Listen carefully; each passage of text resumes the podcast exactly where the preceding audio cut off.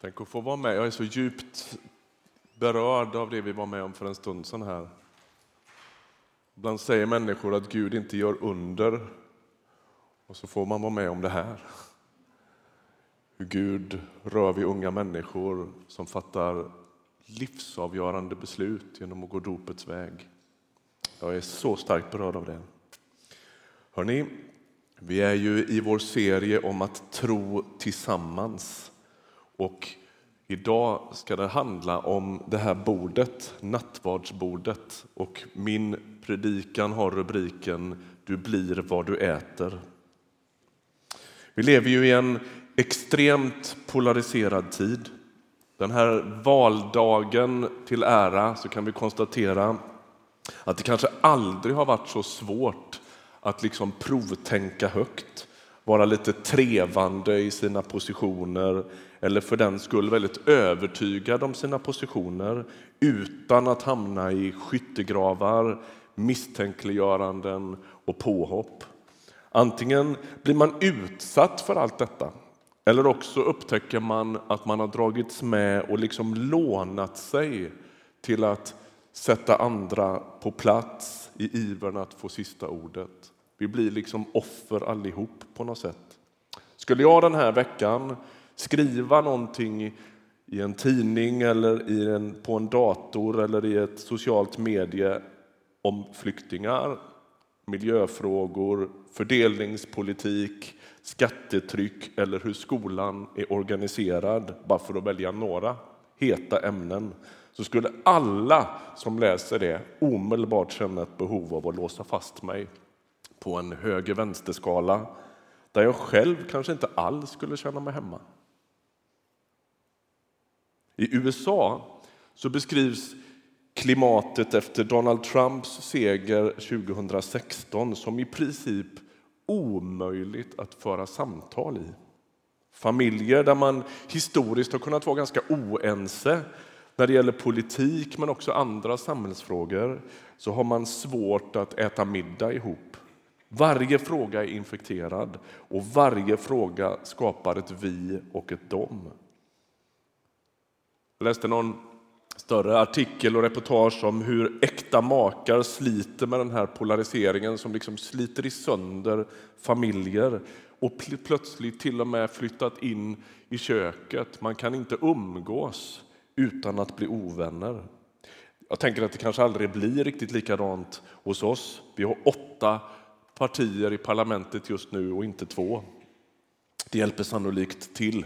Vi blir liksom inte riktigt lika polariserade på det sättet. Men vi kan konstatera idag efter veckor och månader av valrörelse att det har varit ganska tröttande för själen.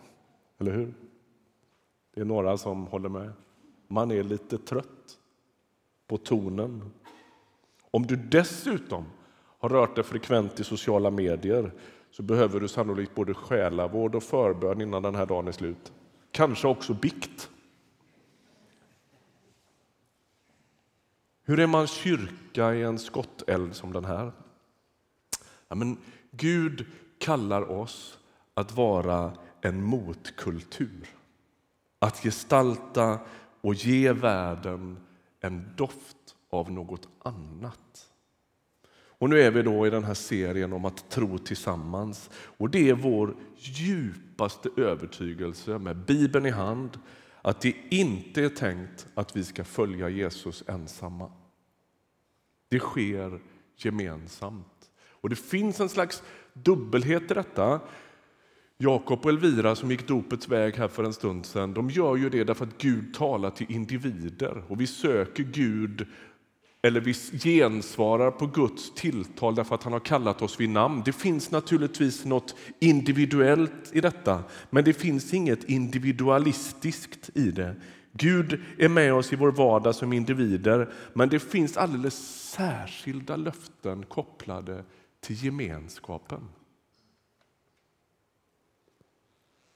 Det är i mötet, det är i bönerna, det är i sången, det är det gemensamma lyssnandet till ordet och förkunnelsen och det är när vi bryter brödet tillsammans som Gud på ett särskilt sätt är mitt ibland oss.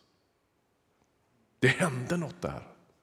Och nu ska vi stanna en liten stund vid det där med att bryta brödet. Det är ju faktiskt så här att vi har inte massor med textutläggningar i Nya testamentet om vad som händer i nattvarden. Vi har några få texter, så är det.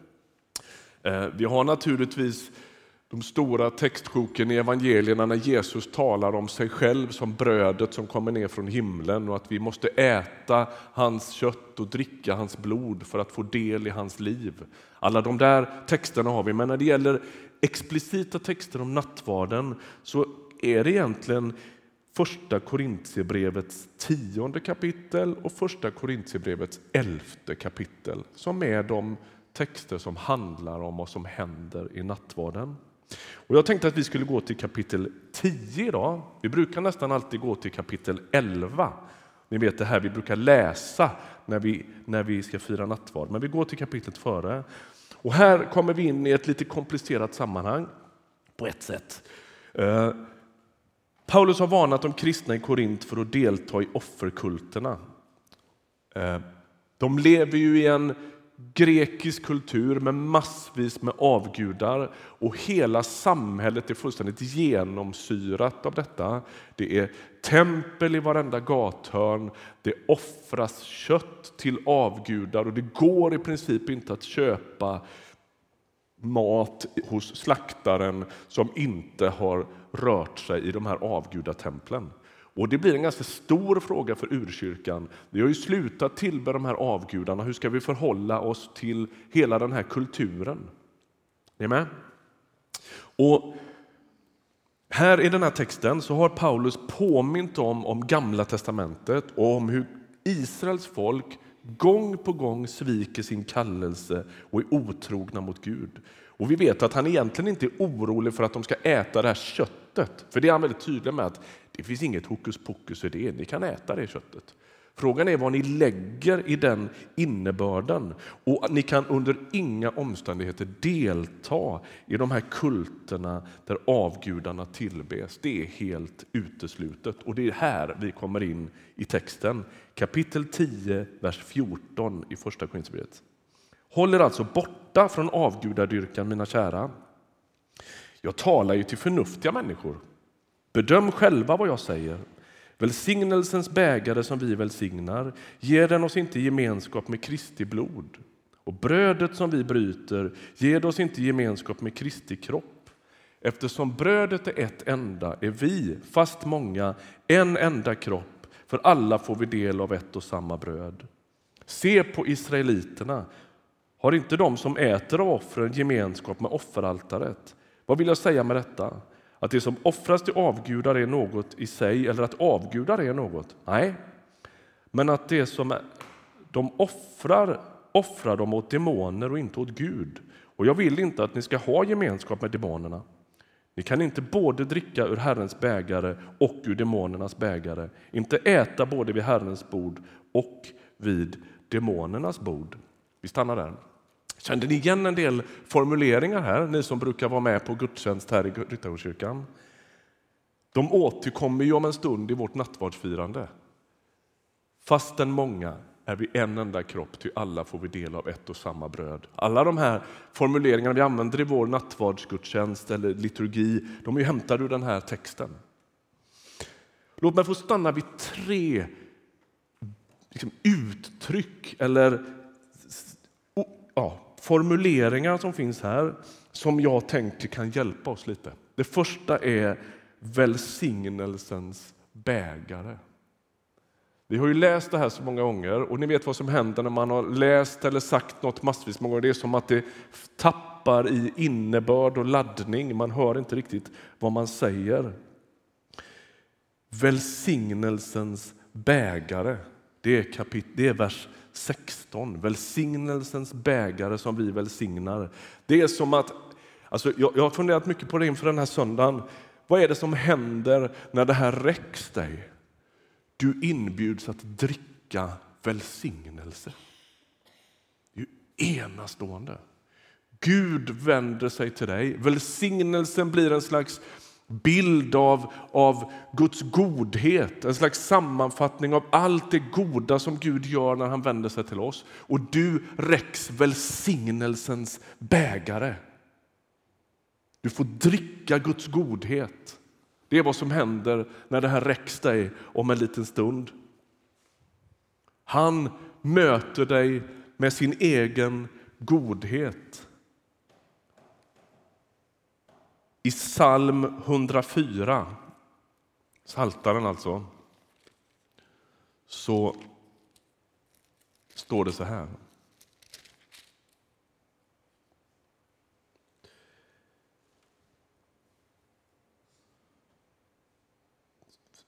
Salmen börjar lova Herren min själ och så kommer vi in i vers 10. Du låter källor rinna upp och bli till strömmar som forsar fram mellan bergen. De ger vatten åt alla markens djur, vildåsnor släcker där sin törst. Vid dem häckar himlens fåglar och sjunger bland täta löv. Du vattnar bergen från din sal, jorden mättas av allt du ger. Du låter gräs växa för boskapen och örter till människans tjänst. Så frambringas föda ur jorden och vin som gör människan glad, olja som ger hennes ansikte glans och bröd som ger henne styrka. Här listas det hur Gud i sin godhet slösar över människan. Och kulmen i den här beskrivningen av Guds godhet är att brödet och vinet på något sätt är det fysiska tecknet på Guds välsignelse. När du tar emot bröd och vin om en liten stund så dricker du ur välsignelsens bägare.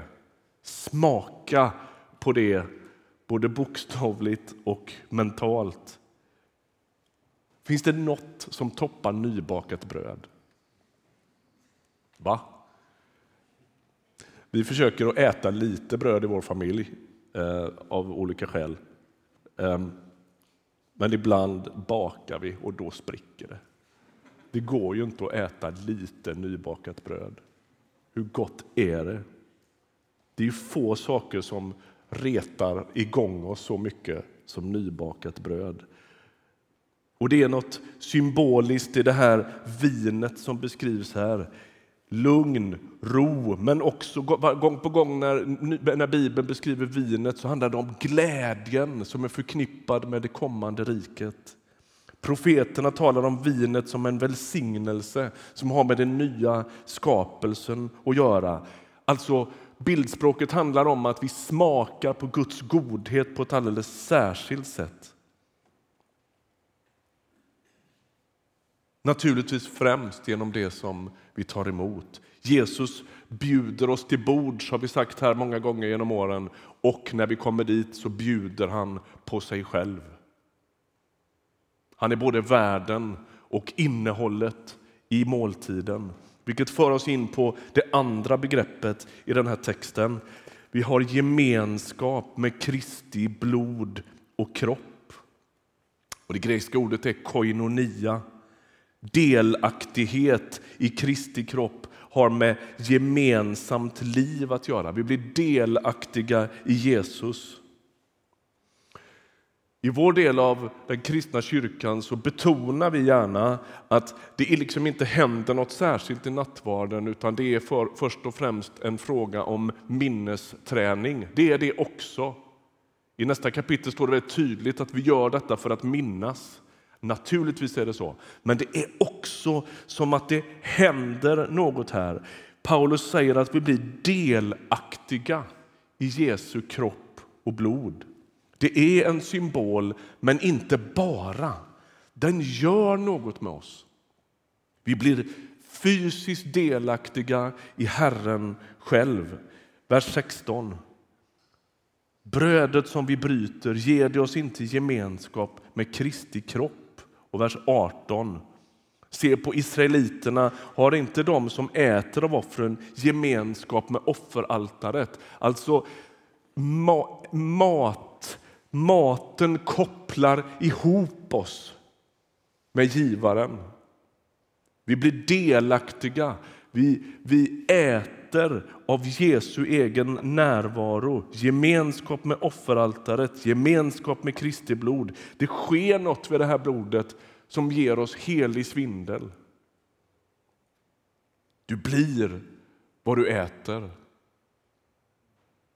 Du får del av livet. Du får del av Jesus verkligheten. Vi blir delaktiga i hans kropp och i hans blod. Kanske en anledning till varför vi firar nattvard lite sådär, alltså om jag generaliserar i svensk frikyrka, hyfsat sällan är för att vi också har en ganska så här, um, en, en rakt igenom symbolisk idé om vad som händer här. Men det är som att Paulus öppnar på dörren också till mysteriet. Vi äter och dricker Jesus. Det tredje jag vill stanna vid här det är att det står att vi blir en enda kropp. Och vi skulle ju kunna säga så här, ja, men eftersom vi är en enda kropp så delar vi ett bröd. Men Paulus han vänder på det. Och så säger han så här, eftersom vi delar ett bröd så är vi en kropp typiskt pastorer att leka med ord. Nej, det är något annat. Måltider i Paulus tankevärld skapar en enhet med både Gud och med varandra. Ätandet förenar människor. Istället för att tänka ja, men vi är ju ett, så låt oss äta en måltid ihop. Nej, men det skulle vilken sekulär människa som helst kunna skriva under på. Eftersom vi gillar varann så käkar vi ihop. Men här vänds det på steken. Eftersom vi käkar ihop så måste vi börja gilla varann. Är ni med? När vi äter så blir vi en kropp. Det är inte så att vi först ska försöka fixa till det här och se att vi är lagom överens och sen går vi till bordet. Nej, det är bordet som hjälper oss med att tro tillsammans.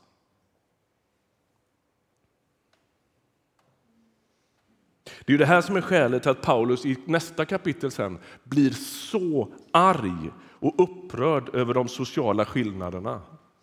De kommer till bordet som ska vara en slags gestaltning av enhet och gemenskap och kärlek syskon emellan. Och så gör de den klassiska uppdelningen som, som görs i samhället utanför. Det lär ha varit så i ett, rom, i ett grekiskt hem att man har en liten mindre matsal där det får plats ett litet antal människor och sen har du som en liten yttre yttre del i huset där man kan stå. Och i det sekulära eller i det icke-kristna Grekland så delar man upp det här mellan de rika i den inre cirkeln och de fattiga i den yttre. Och det Paulus säger till de här människorna det är ni fortsätter ju att leva som om ni inte hade Jesus i centrum och delar upp er i fattiga och rika. Det är det texten i Första Korinthierbrevet 11 handlar om. När man kan äta och dricka en dom över sig. Det är en fördelningspolitisk text. Och han säger, ni äter ju inte Herrens måltid, ni äter er egen. Alltså det är allvarligt på det sättet. Så frågan är då, avslutningsvis idag, vad har det här med våra liv, med vår tid och med vår omgivning att göra? Och med det som att något annat gestaltas vid det här bordet. Vi kommer samman, inte för att vi tycker likadant. Det är inte det som är grunden. Vi kommer inte heller hit för att vi delar samma intressen, för att vi har samma typ av fritid. Nej, det går mycket djupare än så. Och det är faktiskt smått unikt i det svenska samhället. Istället för att söka sig till dem som röstar som jag, är lika gamla som jag, ser ut som jag, spelar i samma basketlag som jag, så är vi delar i samma Kristi kropp. Från noll år till hundra år. Fantastiskt att se alla barnen här framme innan. va? Och så vet vi att en del har kommit hit och inte kanske kan gå så bra längre för att man är så gammal. Om en stund kommer Ea och säga här att det går att sitta kvar i sin bänk och få ta emot nattvard om man inte orkar stå i kön här. Allt detta är vår gemenskap. Barnen som inte kan sitta still och farbrorn som inte kan gå. Det är superfint. Varje gång jag ser den här kön här framme så, så blir jag så tagen av det. Det är ju en så brokig skara människor som inte finns nästan någon annanstans. Alla samhällsklasser, alla färger och former. Det skulle behöva bli många fler färger. kan vara överens om. Men det är vi som tror tillsammans. Och vet du vad? Det är väldigt politiskt. Inte som i röd, blå eller grön, utan som i att vi gestaltar en annorlunda gemenskap. Vi blir ett tecken för världen på vad som kan hända i mötet med Jesus. Vi förkunnar hans död till dess han kommer. Vi förkunnar för världen. Vi ropar ut, när du ställer dig i kön här, så förkunnar du för världen att Jesus är på riktigt och att han kodar våra liv.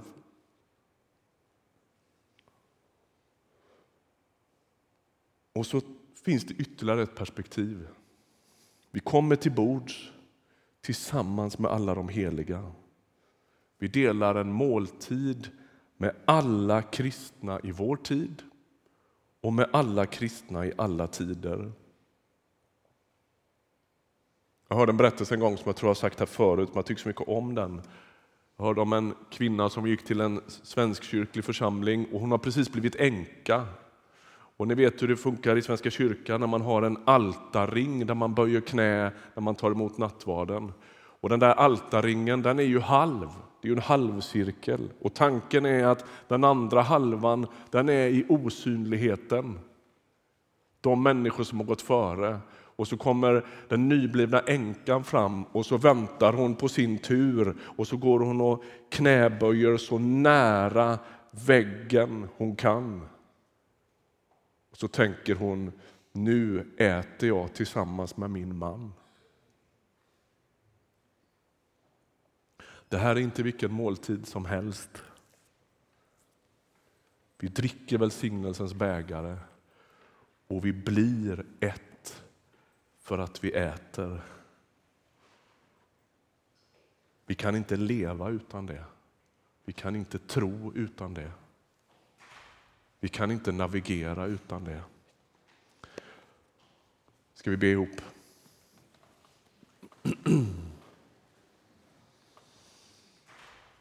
Herre, tack för ditt bröd och ditt vin. Din kropp och ditt blod. Tack för att vi får dröja nu inför det mysterium som det här är. Tack att du har gett oss något så handfast, något så konkret som samtidigt öppnar för en sån svindel. Tack att vi får ta emot dig. Tack att vi får riktas mot dig. Och tack att vi vid det här bordet får säga ja både till dig och till varann. Amen.